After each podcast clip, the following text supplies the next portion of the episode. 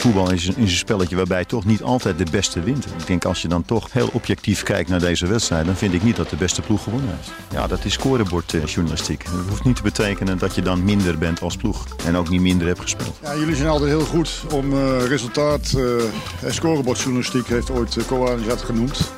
het gaat om de wijze waarop je voetbalt. Ja, dat is wel makkelijk scorebordjournalistiek om nu daar heel erg ja op te zeggen. Ja, dat is scorebordjournalistiek. Yes, welkom bij een nieuwe aflevering van Scorebord Journalistiek, de podcast van Voetbal International, waarin we op zoek gaan naar het verhaal achter het verhaal. En deze week een nogal uh, ja, gevoelig onderwerp durf ik wel te stellen, uh, het WK in Qatar. Want ja, als alles uh, gaat zoals het gaat, dan trekken volgend jaar, in 2022, de beste spelers ter wereld naar het oliestaatje. Ja, om daar te spelen om die mooie gouden beker. Maar recent was het The Guardian, toch wel een kwaliteitskrant, die aangaf dat er inmiddels bij de bouw van de stadions 6.500 buitenlandse werknemers om zouden zijn gekomen. De arbeidsomstandigheden zouden mensonterend zijn. Uh, ja, wat moeten we nu doen? Moeten we dat uh, toernooi boycotten? Moeten de spelers er naartoe gaan en dan een statement maken? Of zouden we misschien moeten zeggen van ja, voetbal en politiek staan zo ver uit elkaar. de sporters moeten daar gewoon naartoe, moeten lekker gaan voetballen. En ja, we moeten het op andere fronten maar uitvechten. Ja, deze week in VI en op VI Pro heel veel verhalen over dat WK in Qatar. Freek de Jonge spreekt zich uit. Eh, daarnaast ook eh, Henk de Katen, veel andere bekende namen. Ook mensen die daar gewerkt hebben, die daar eh, rondgelopen hebben, die toch vertellen hoe het nou daadwerkelijk zit. En voor deze podcast waren we ook op zoek naar iemand die iets meer kan vertellen. uiteraard de Guardian kwaliteitskant, zoals gezegd. Maar wij waren benieuwd of er ook Nederlanders waren die daar direct bij betrokken waren. En wij kwamen uit bij Koen Bosma. Misschien ken je hem, oud voetballer van HFC eh, Haarlem. Nog bij Jong AZ gezeten, vervolgens een avonturier geworden. Gaat hij zo meteen alles over vertellen. Hartstikke mooie verhalen. Maar die trok voor zijn werk naar Qatar. En die werkte daar eigenlijk indirect mee aan uh, ja, totstandkoming van dit uh, toernooi. En uh, ook op een interessante manier. Want ja, het moet ook het meest innovatieve WK worden. Nou, we zijn met Koen in gesprek gegaan. Vooral over, over zijn tijd daar, wat hij daar eigenlijk gedaan heeft qua werk. Maar ook gewoon de vraag voorgelegd van ja, hoe moeten we hier nou tegenaan kijken? Hoe, hoe slecht is het nou gesteld? En ook aan hem de vraag gesteld, moeten we nou wel of niet naar dat WK toe in Qatar? Nou, ik wens je veel luisterplezier met deze podcast met Koen Bosma. Uh, voor meer verhalen uh, lees deze week even de Voetbal International of ga naar uh, VI Pro. Veel luisterplezier. Ja, Koen Bosma, even voor de echte diehards, echte liefhebbers onder ons. oudspeler van Haarlem nog, hè? Zeker weten. De hele jeugdopleiding doorlopen. tot, en met het eerste, tot en met het eerste elftal. En ehm, toen ik net een beetje begon uh, te spelen, is het uh, failliet gegaan. Maar dat had uh, vrij weinig te maken met mijn salaris, hoor. ja, dat was toen nog niet bizar hoog waarschijnlijk, hè? Nee, dat, als ik dat goed onthouden heb, was het iets van 950 euro een maand of zo. Een uitgebreide reiskosten. Voor jong knaapje op zich prima. Ja. Ja, precies dat. Precies dat. Ik heb je carrière erbij gepakt, ook een paar mooie verhalen gelezen. Onder meer bij de collega's van Five Sports, wat jij daarna bent gedaan. Want we hebben een paar weken geleden hier een podcast gehad over de avonturiers. Over de jongens die de voetbalschoenen uh, nou, inpakken in de koffer en op pad gaan. Maar jij hebt ook een paar mooie avonturen beleefd. Hè? Cambodja, Vietnam, Australië. Ja, dus uh, na Haarlem uh, ben ik nog naar AZ gegaan. En na AZ was het een beetje, zat ik enorm te kloten met studie. Uh, allebei mijn ouders zijn uh, van huis uit uh, leerkracht, dus die vonden dat belangrijk en ik zelf natuurlijk ook. En toen was het heel erg van, nou, oké, ga je nog naar een andere club, wellicht in de eerste divisie, of kies je ervoor om nou ja, prioriteit te gaan geven aan, aan school en dan in mijn geval ook een beetje ondernemerschap. Dus dat gedaan. Toen ben ik bij VVSB, de Cupfighters, gaan, gaan spelen in Noordwijkerhout. Um, en heb ik mijn uh, studies afgerond, dus bachelor-master uh, gedaan. Uh, en toen na die periode was het eigenlijk van ja, oké, weet je, je kan nu echt een beetje het, het serieuze leven aangaan. Of nou ja, op, op voetbalschoenen ehm, de wereld gaan verkennen. En er waren altijd wel wat opties geweest, ook in Nederland nog hoor. Ehm, om betaald voetbal te spelen. Maar ja, gewoon heel eerlijk, dat, dat schoot gewoon helemaal niet op. Um, en nog in eh, Engeland en nou een paar verschillende uh, mogelijkheden. Alleen uh, ja, toen, toen kwam de kans om naar uh, in eerste instantie Indonesië te gaan. dat werd toen allemaal een beetje schimmig. En toen echt letterlijk uit het niks kwam er een e-mail vanuit Cambodja. of ik daar bij de kampioen wilde gaan spelen. Want die, hadden, waren het jaar daarvoor kampioen geworden. En die gingen dus ook in de Aziatische Champions League spelen. Dus vriendinnen ook klaar met de Pabo. En hadden zoiets van let's go. En dat is echt wel een avontuur, start van een avontuur geweest. We hebben ongeveer twee jaar in het buitenland zijn geweest. Begonnen in Cambodja. Uh, na een paar uh, hele goede maanden een transfer gemaakt naar Vietnam.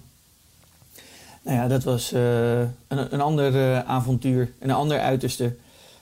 en dan heb je eigenlijk na een jaar voetbal in Azië, ja, dan ben je gewoon mentaal helemaal gek. Want het is gewoon best wel complex om daarmee om te gaan. En toen nog in Australië gespeeld, nou, dat was echt geweldig. Ehm, dus zodoende. Ja, nu ben ik toch meteen even benieuwd, mentaal gek. Kun je dat toch heel even duiden? Wat, in welke zin is dat? Nou ja, dus uh, er zit op uh, de jongens die vanuit het buitenland komen daar uh, in Azië. daar wordt heel veel van verwacht. Maar je hebt ook ander haar, andere kleur ogen, andere manier gebouwd. En dan moet je je dus echt voorstellen dat... nou, bijvoorbeeld in Vietnam heb je dan een eigen huisje waar die spelers gewoon altijd slapen. Eh, dus die zijn daar gedurende het seizoen zitten die altijd in een soort compound met elkaar. Geen familie, dat is alleen voor een vrije dag. Nou ja, dat ging ik natuurlijk niet, dat ging natuurlijk niet doen. Ik kon ook mijn vrouw niet, of nou ja, nu vrouw, toen vriendin niet uitleggen. Maar ja, dan kwam ik dus altijd s ochtends lekker op mijn fietsje. Had ik zo'n mooi bamboefietsje gekocht. Ging ik lekker naar die club fietsen. Hartstikke leuk, zo een beetje door die rijstvelden heen. Nou, dan kwam ik uit op, dat, op het complex. Nou, dan ging ik mijn kamertje in. En dan denk ik, wat ruik ik nou toch? Allemaal rare dingen en zo. Dus ik loop naar de douchecabine. Ja, je kan niet echt een douchecabine noemen, maar gewoon een soort van hok waar water uit een pijp kwam. Meer was het eigenlijk niet. En er zit gewoon zo'n teamgenoot te schijten. nou ja, en die, dus dan zeg ik van, wat ben je nou aan het doen? Nou, die kunnen geen Engels. Dus de meest rare dingen maak je, maak je mee. En elke dag is er wel een voorbeeld zoals dit. Uh, en dan moet je ook allemaal maar uh, op kunnen brengen om, om dat te gaan doen. Nou ja, voor ons of voor mij was het echt niet een soort reden om naar het buitenland te gaan... om nog een, een soort carrière na te jagen in het voetbal. Maar gewoon echt meer het avontuur aan te gaan. En waar normaal, nou ja, normale mensen, quote-unquote... Um, na studies gaan reizen of een tussenjaar of wat dan ook... Nou ja, kon ik dat al voetballend een beetje, een beetje doen... Maar ja, op een gegeven moment word je van zulke soort gekkigheid, ja, word je mentaal wel een beetje moe, ja. Ik kan me er iets bij voorstellen, Koen. Uh, wat je al zei, je hebt, je hebt gestudeerd, je hebt studies afgemaakt. Dat is altijd een belangrijk onderdeel geweest. Uh, want een van de redenen waarom je natuurlijk in deze podcast zit. Op een gegeven moment trek je naar Qatar toe. Uh, het land waar het WK volgend jaar georganiseerd wordt. wat was de reden voor jou om naar Qatar te gaan nadat je eigenlijk klaar was met je voetbalcarrière?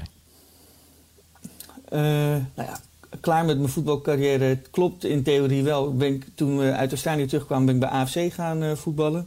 Um, dat is ook een geweldige, geweldige club. En um, uh, daar ben ik een eigen bedrijfje begonnen. Nou, dat ging uh, heel snel heel erg goed.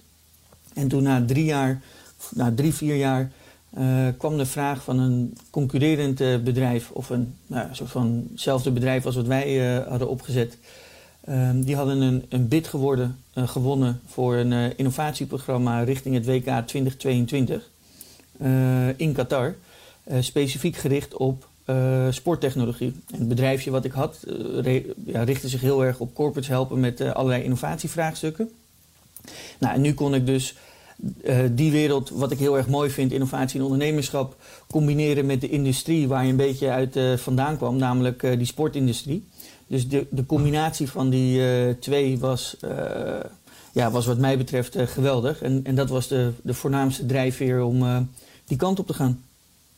Ja, begrijp ik. Maar dan even concreet voor de, voor de mensen thuis. Wat ben jij daar gaan doen? Wat, wat was het idee van dat bedrijf? Want je hebt het over sportinnovatie.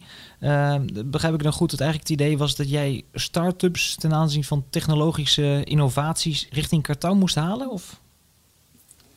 Ja, dus eh, als ik een klein beetje context uh, geef, dus uh, wat er natuurlijk nu in Qatar gebeurt met bijvoorbeeld een WK, dat zien ze allemaal als middelen tot een nieuwe toekomst of stappen richting een nieuwe toekomst. Dus ze weten dat de energiesector, nou ja, dat wordt langzamerhand alleen maar minder, hoewel de olieprijzen vandaag weer heel erg hoog staan. Maar Ehm, dat wordt langzamerhand heel erg minder. Dus wat ze aan het doen zijn, is ze zijn allemaal nieuwe industrieën aan het creëren.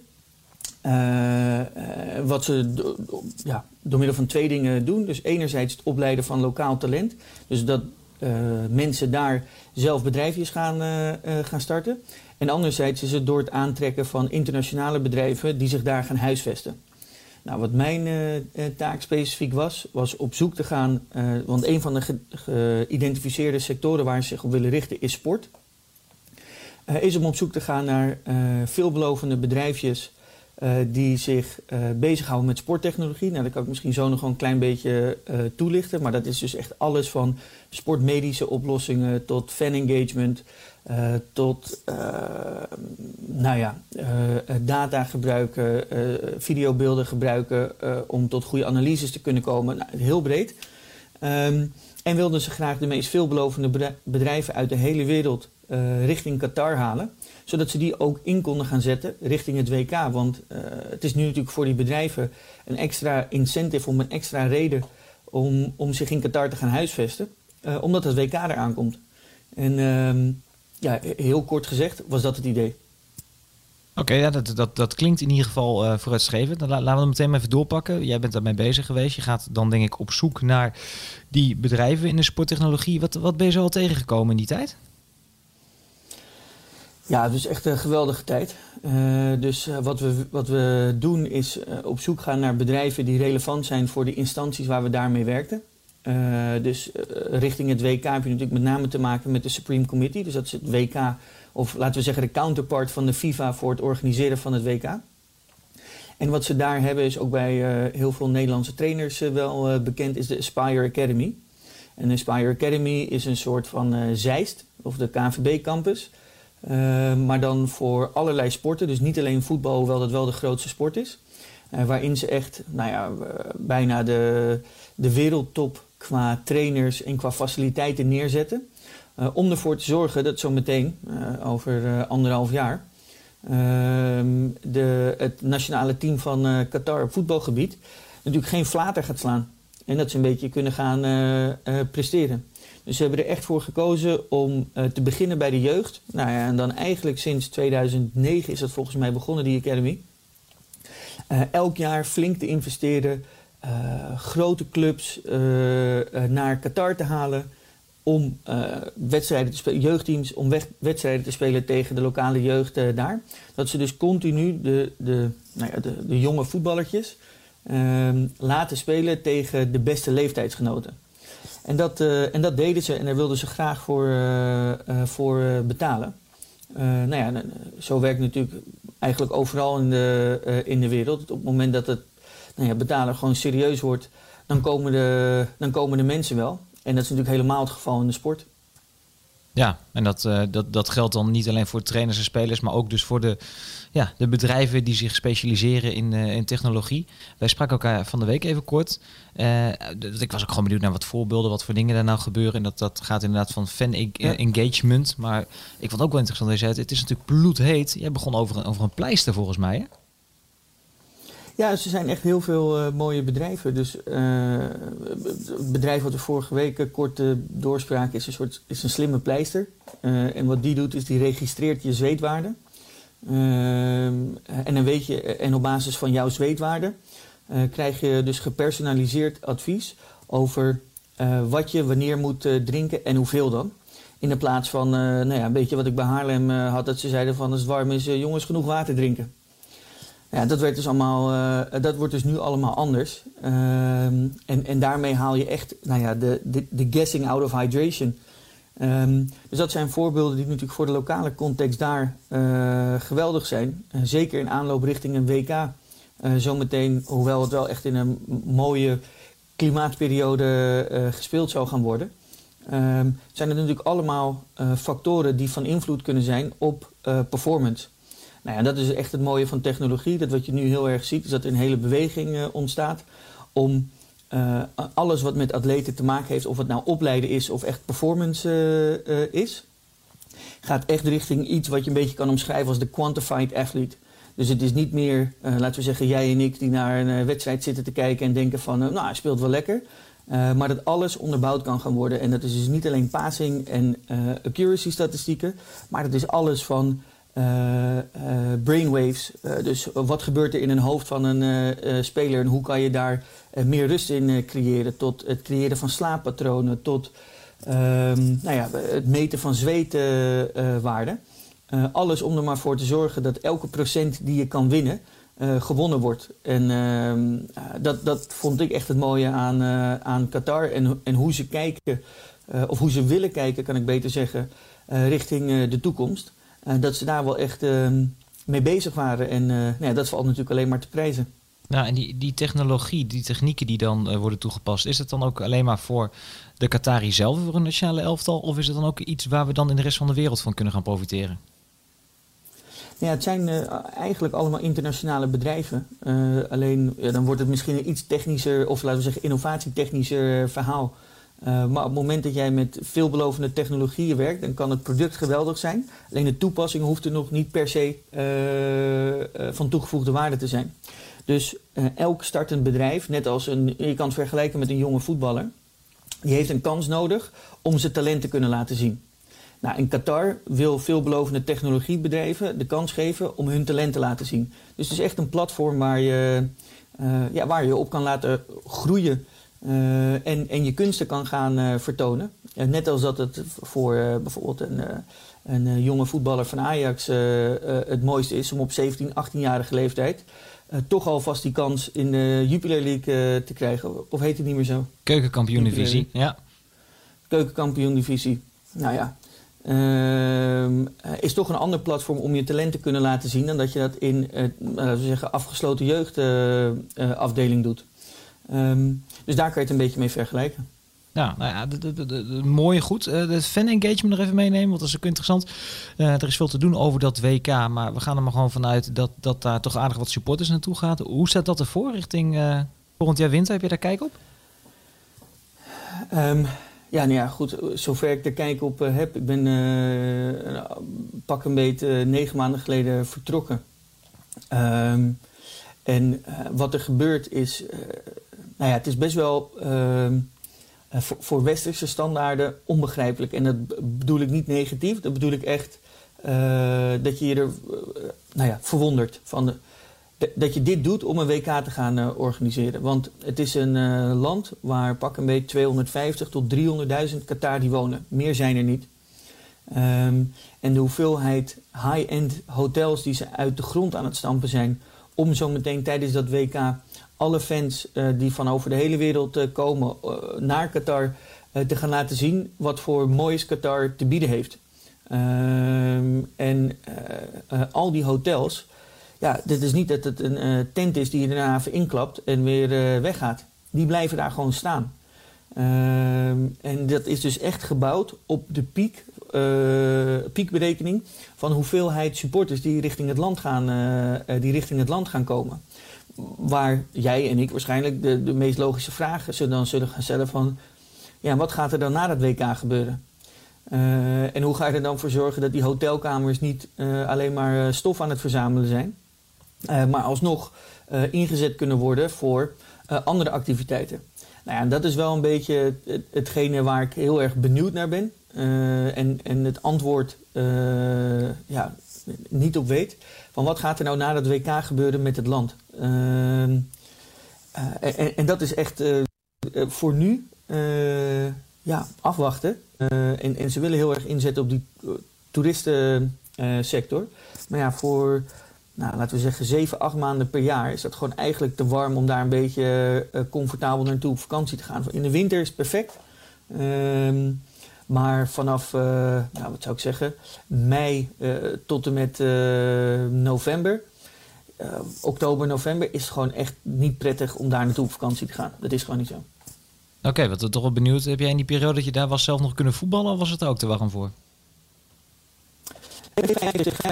En uh, het was uh, best wel. Ik, ik had wel graag nog een beetje willen voetballen, maar hadden net een kindje gekregen. En dan met het voetballen is toch gewoon best wel commitment. En je moet er veel, voor, veel tijd voor vrijmaken. Dus ik heb met allerlei lokale, met name dan vanuit Aspire, dus die, die voetbalacademie, gingen we twee keer in de week voetballen en ik ben een beetje fanatiek gaan padellen. Ehm, dus, dus dat eigenlijk.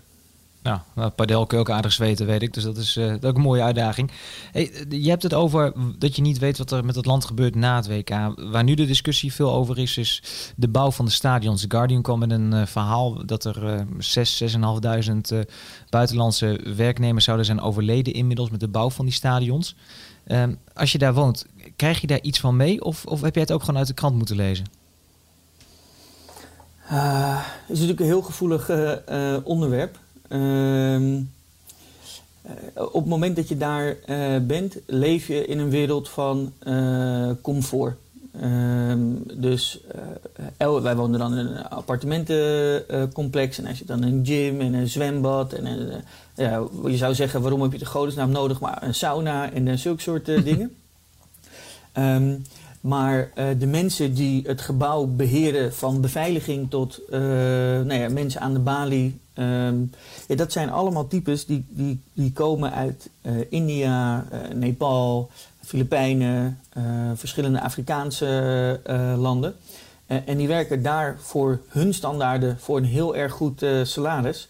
Maar voor westerse of wellicht Europese standaarden valt het natuurlijk niet. Ehm, uh, ja, uh, is dat natuurlijk niet heel veel uh, geld. Dus dat beneden minimumloontarieven. Um, en qua bouw, het hele land is in ontwikkeling. En speciaal voor het interview ben ik nog even gaan checken in wat oude presentaties en zo. Maar je moet je dus voorstellen dat het land om het WK te organiseren meer dan 100 miljard dollar uitgeeft. Hm. waarvan 6,5 miljard gaat richting stadionbouw. Ehm, maar uh, er bijvoorbeeld 45 miljard wordt geïnvesteerd in het updaten van nieuwe wegen. Nou ja, al dat werk is gewoon hartstikke zwaar uh, werk. Helemaal als het natuurlijk uh, heel erg warm is. Um, en lokaal, dus op het moment dat er een nieuwsbericht van The Guardian naar buiten komt, krijg je daar eigenlijk niks van mee. Dus alleen internationale media doen daar. Um, die doen er mededelingen over. Het enige wat wel uh, het geval is, is dat uiteindelijk valt alles uh, onder de verantwoordelijkheid van de Supreme Committee. Dus dat is degene die het WK namens het land uh, organiseert en coördineert. Um, maar het WK was een manier voor de overheid om geld in de economie te krijgen. Dus op het moment dat jij nieuwe wegen kan laten bouwen, dan zijn wegenbouwbedrijven uh, die profiteren daarvan. Op het moment dat je hotels moet laten bouwen, zijn er bedrijven die in de construction zitten, die profiteren daarvan. Um, en hoe die bedrijven het zelf organiseren, is uh, de afgelopen jaren heel veel beter geworden. En ik geloof de, de best, het beste in het Midden-Oosten, dus beter dan Dubai bijvoorbeeld. Alleen ja, dat er nog een hele hoop dingen gewoon niet goed gaan. of ja, dat, dat is moeilijk te ontkennen. Ja, precies. precies. Nou, het lijkt me ook heel moeilijk als je daar rondloopt om het te zien. Ik kan me voorstellen dat je het niet ziet eigenlijk, omdat je gewoon je eigen leven leidt, je eigen dingen doet. Um, in Nederland is nu best wel het verhaal gaande, moeten we het toernooi gaan boycotten? Ik weet dat er andere landen daar ook over gesproken wordt. Hoe sta jij erin? Is het nou juist dat we daar naartoe moeten gaan omdat het land juist in ontwikkeling is en dat we het juist moeten omarmen en zorgen dat het beter wordt? Of is het juist het moment om met z'n allen te zeggen, we gaan er niet heen? Um, ik denk dat het afhankelijk is van welk doel je wil najagen. Dus op het moment dat je een eh, statement wil maken van, uh, weet ik veel, uh, voetbal is van de mensen. en heel plat gezegd, daar moet je van afblijven. Ja, dan is dat iets, dan, dan kan je een bepaald standpunt innemen. Als je zegt van uiteindelijk gaat het over ontwikkeling. kijk, Qatar heeft in, in 1940 pas olie gevonden. Daarvoor was het gewoon letterlijk zand. En dan reden ze op kamelen, sliepen ze in tenten. Echt letterlijk, dat was wat er tot dat moment voornamelijk was. En het land is nu dus feitelijk, of sinds dat er wat economische welvaart is, ongeveer 70, 80 jaar oud. Nou, als jij gaat kijken naar de geschiedenis van Nederland, hoe lang wij nodig gehad hebben, of hoe, hoe lang wij ons als land of als Europa hebben kunnen ontwikkelen tot, om te komen tot waar we nu zijn Ehm, gaat dat in nou ja, bijvoorbeeld een land als Qatar, moet dat vele malen sneller.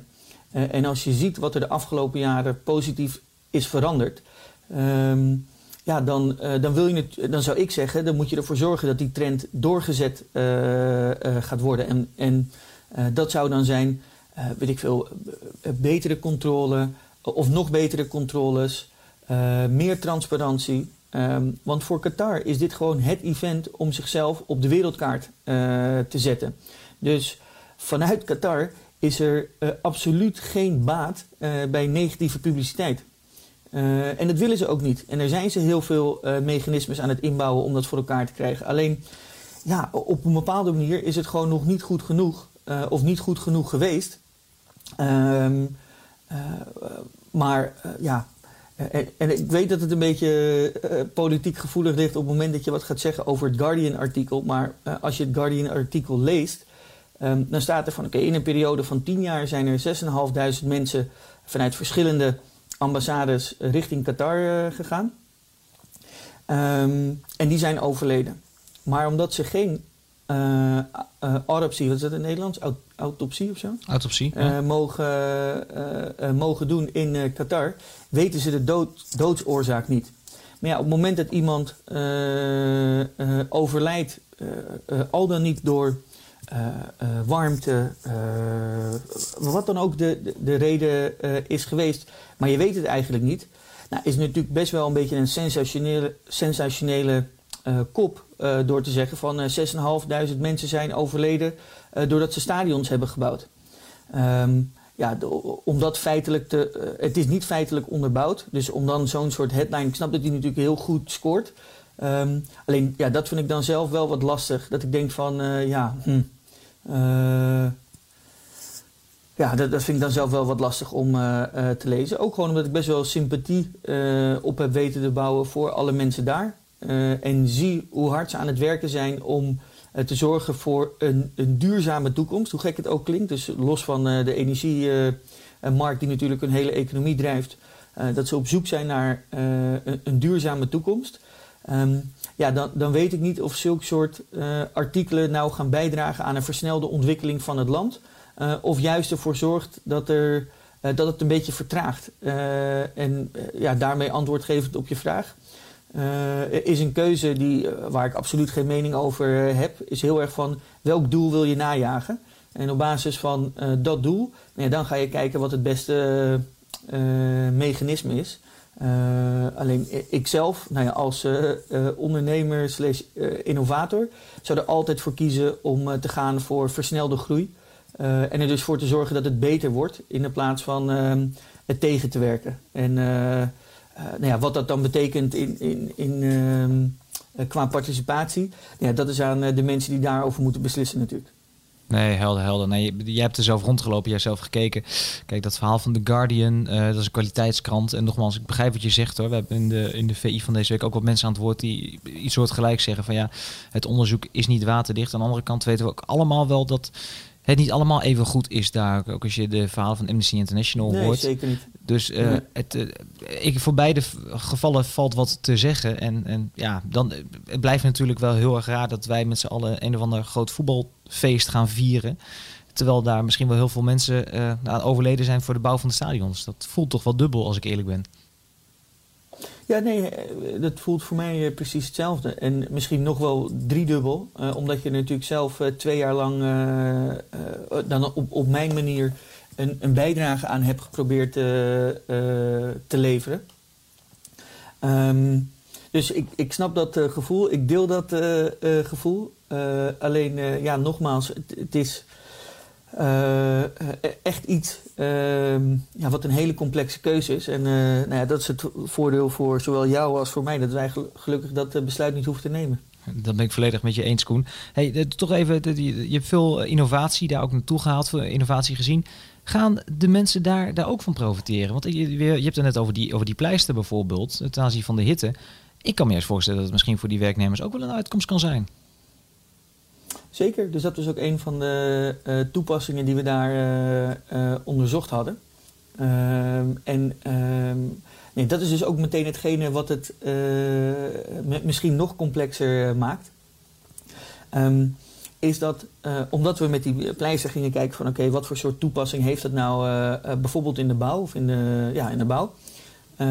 Dat je ziet wat voor soort mechanismes zijn ingebouwd om ervoor te zorgen dat die werknemers, of de mensen die daadwerkelijk het, het harde werk doen, ehm, nou ja, geholpen worden om ervoor te zorgen dat ze in ieder geval, dat noemen ze worker welfare, dat dat goed is georganiseerd. Nou, en als je je dan echt gaat verdiepen in wat voor soort beleidsstukken en politieke beslissingen er zijn genomen om worker welfare te garanderen in Qatar. Uh, dat is gewoon heel erg veel geweest. En dat ontwikkelt zich in razend tempo. Wat nog steeds het niet goed wil maken, alles wat er verkeerd is gegaan. Alleen het is wel gewoon een onderwerp wat voor hun super hoog op de agenda staat. Omdat zij natuurlijk zelf ook weten van oké, zolang dit niet goed blijft gaan, blijven wij Guardian-achtige artikelen en Amnesty-protesten ontvangen en, en kritieken van de hele voetbalwereld van joh, is dit nou, is dit nou wel goed ja of nee? Um, maar het is zo moeilijk, want we hebben het over een WK in, in Qatar.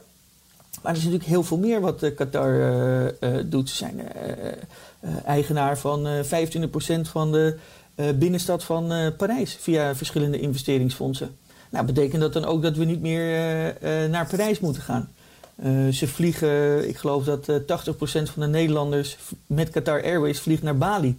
Ja, moeten we dat dan ook niet meer doen? Dus het is heel complex om natuurlijk ehm, standpunten in te gaan nemen. En uiteindelijk denk ik dat de manier om, om tot nou ja, politieke verbeteringen te komen, altijd is op basis van een, een, dialoog en datagedreven feitelijke onderbouwingen. Um, maar ja, goed, het, het maakt niet goed wat er allemaal fout is gegaan. En ja, dat is gewoon, ja, daar valt niet goed te praten. Het blijft, een, blijft wat dat betreft een, eh, een, een precair onderwerp, Koen. Maar uh, ja, ik denk wel dat jij recht van spreken hebt als iemand die daar lange tijd gewerkt heeft en daar uh, dichtbij is geweest. Je bent inmiddels terug in Nederland. Je bent bezig volgens mij met je eigen bedrijf. als, als er nou een uitnodiging komt volgend jaar winter van Koen, je hebt hier zoveel mooi werk geleverd. Kom je naar het WK toe? ga je dan die kant op? Zeer zeker. En is, is dat dan de, de, de, voetballiefhebber die ik dan hoor? Of is dat ook gewoon degene die heeft gezegd... ik heb, ben hierbij betrokken geweest, ik heb gezien wat ze aan het opbouwen zijn... dat wil ik ook van dichtbij meemaken? Um, het is de voetballiefhebber uh, uh, als eerst. Um, het is de, uh, ook iemand die bewondering heeft voor alles, voor alle positieve ontwikkeling die heeft plaatsgevonden.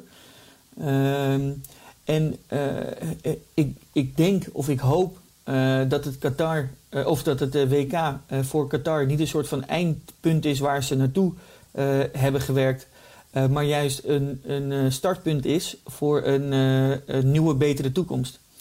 Um, waarin alle issues die er de afgelopen periode aan het licht zijn gekomen en aan het licht blijven komen, um, ja, gewoon niet meer voor gaan komen. Want uh, nou ja, als je, hoe meer je gaat verdiepen in de Arabische cultuur, en dat is natuurlijk ook het lastige, want je hebt er een tijd rondgelopen en um, je bent vrienden geworden met mensen, je hebt je verdiept in een andere cultuur, dus vanzelfsprekend verlies je dan een bepaalde mate van objectiviteit. Maar als je echt verdiept in de Arabische cultuur, dan is het, dan, dan is bijvoorbeeld een van de, van de nou ja, weet niet of het versen zijn, maar in ieder geval van de spreuken die ze dan hebben, is van zorg net zo goed voor je buurman als voor je vrouw. En dat merk je overal in het, dat merk je overal in het land. En um, je wordt ontvangen, je wordt meegenomen, je krijgt dingen te zien. Um, ze nemen je op in hun toch soms wat gesloten communities. Op het moment dat ze zien dat je bij wil dragen aan die betere toekomst. En op het moment dat je daar komt om bij wijze van spreken even wat dollars in je zak te stoppen en weer weg te gaan. Ja, dan, dan ga je echt wel tegen een hele hoop muren aan, aanlopen. En ik zou vooral naar het WK gaan, natuurlijk als voetballiefhebber. maar ook om met nou ja, de vrienden vandaar... Ehm, ja, een soort nieuwe start te gaan, te gaan vieren. ondanks alle nou ja, ellende die, die de afgelopen jaren zich toch gewoon heeft voorgedaan. Nou, mooi, mooi gezegd, Koen, mooi gezegd. Uh, laten we met je hopen dat in ieder geval de omstandigheden alleen maar beter en beter worden richting dat, uh, dat WK. We gaan het in ieder geval uh, van ja. dichtbij, dichtbij volgen. we zullen jou ook blijven volgen. welke amateurvelden ben jij te zien als we ooit weer mogen voetballen? Nee, niet meer, ik ben niet meer aan het voetballen. Dus, sinds Qatar, nou ja, als je het aan mijn vrouw vraagt, of als ik het moet zeggen, dan zeg ik nou, een kilootje of vijf bijgekomen. Maar als je dan mijn vrouw vraagt, zegt ze een kilootje of tien. dus daar ben ik ook mooi klaar mee. Uh, nee, maar uh, misschien ga ik nog wel een balletje trappen. Uh, maar ik denk het eerlijk gezegd niet. Ja, dan is de, de, de zoveelste oud-prof van Haarlem geen prof meer bij deze. Koen, heel erg uh, bedankt. Succes met je, met je ondernemingen. Ehm, wij gaan je zeker volgen. En in de Voetbal International van deze week en op VI Pro veel verhalen over Qatar, uh, over het toernooi, over de omstandigheden. Ook over de, de ploegen die daar uh, kans gaan maken. En meer van dat, ga dat vooral lezen. Koen, dankjewel. Helemaal goed, dankjewel. Tot later.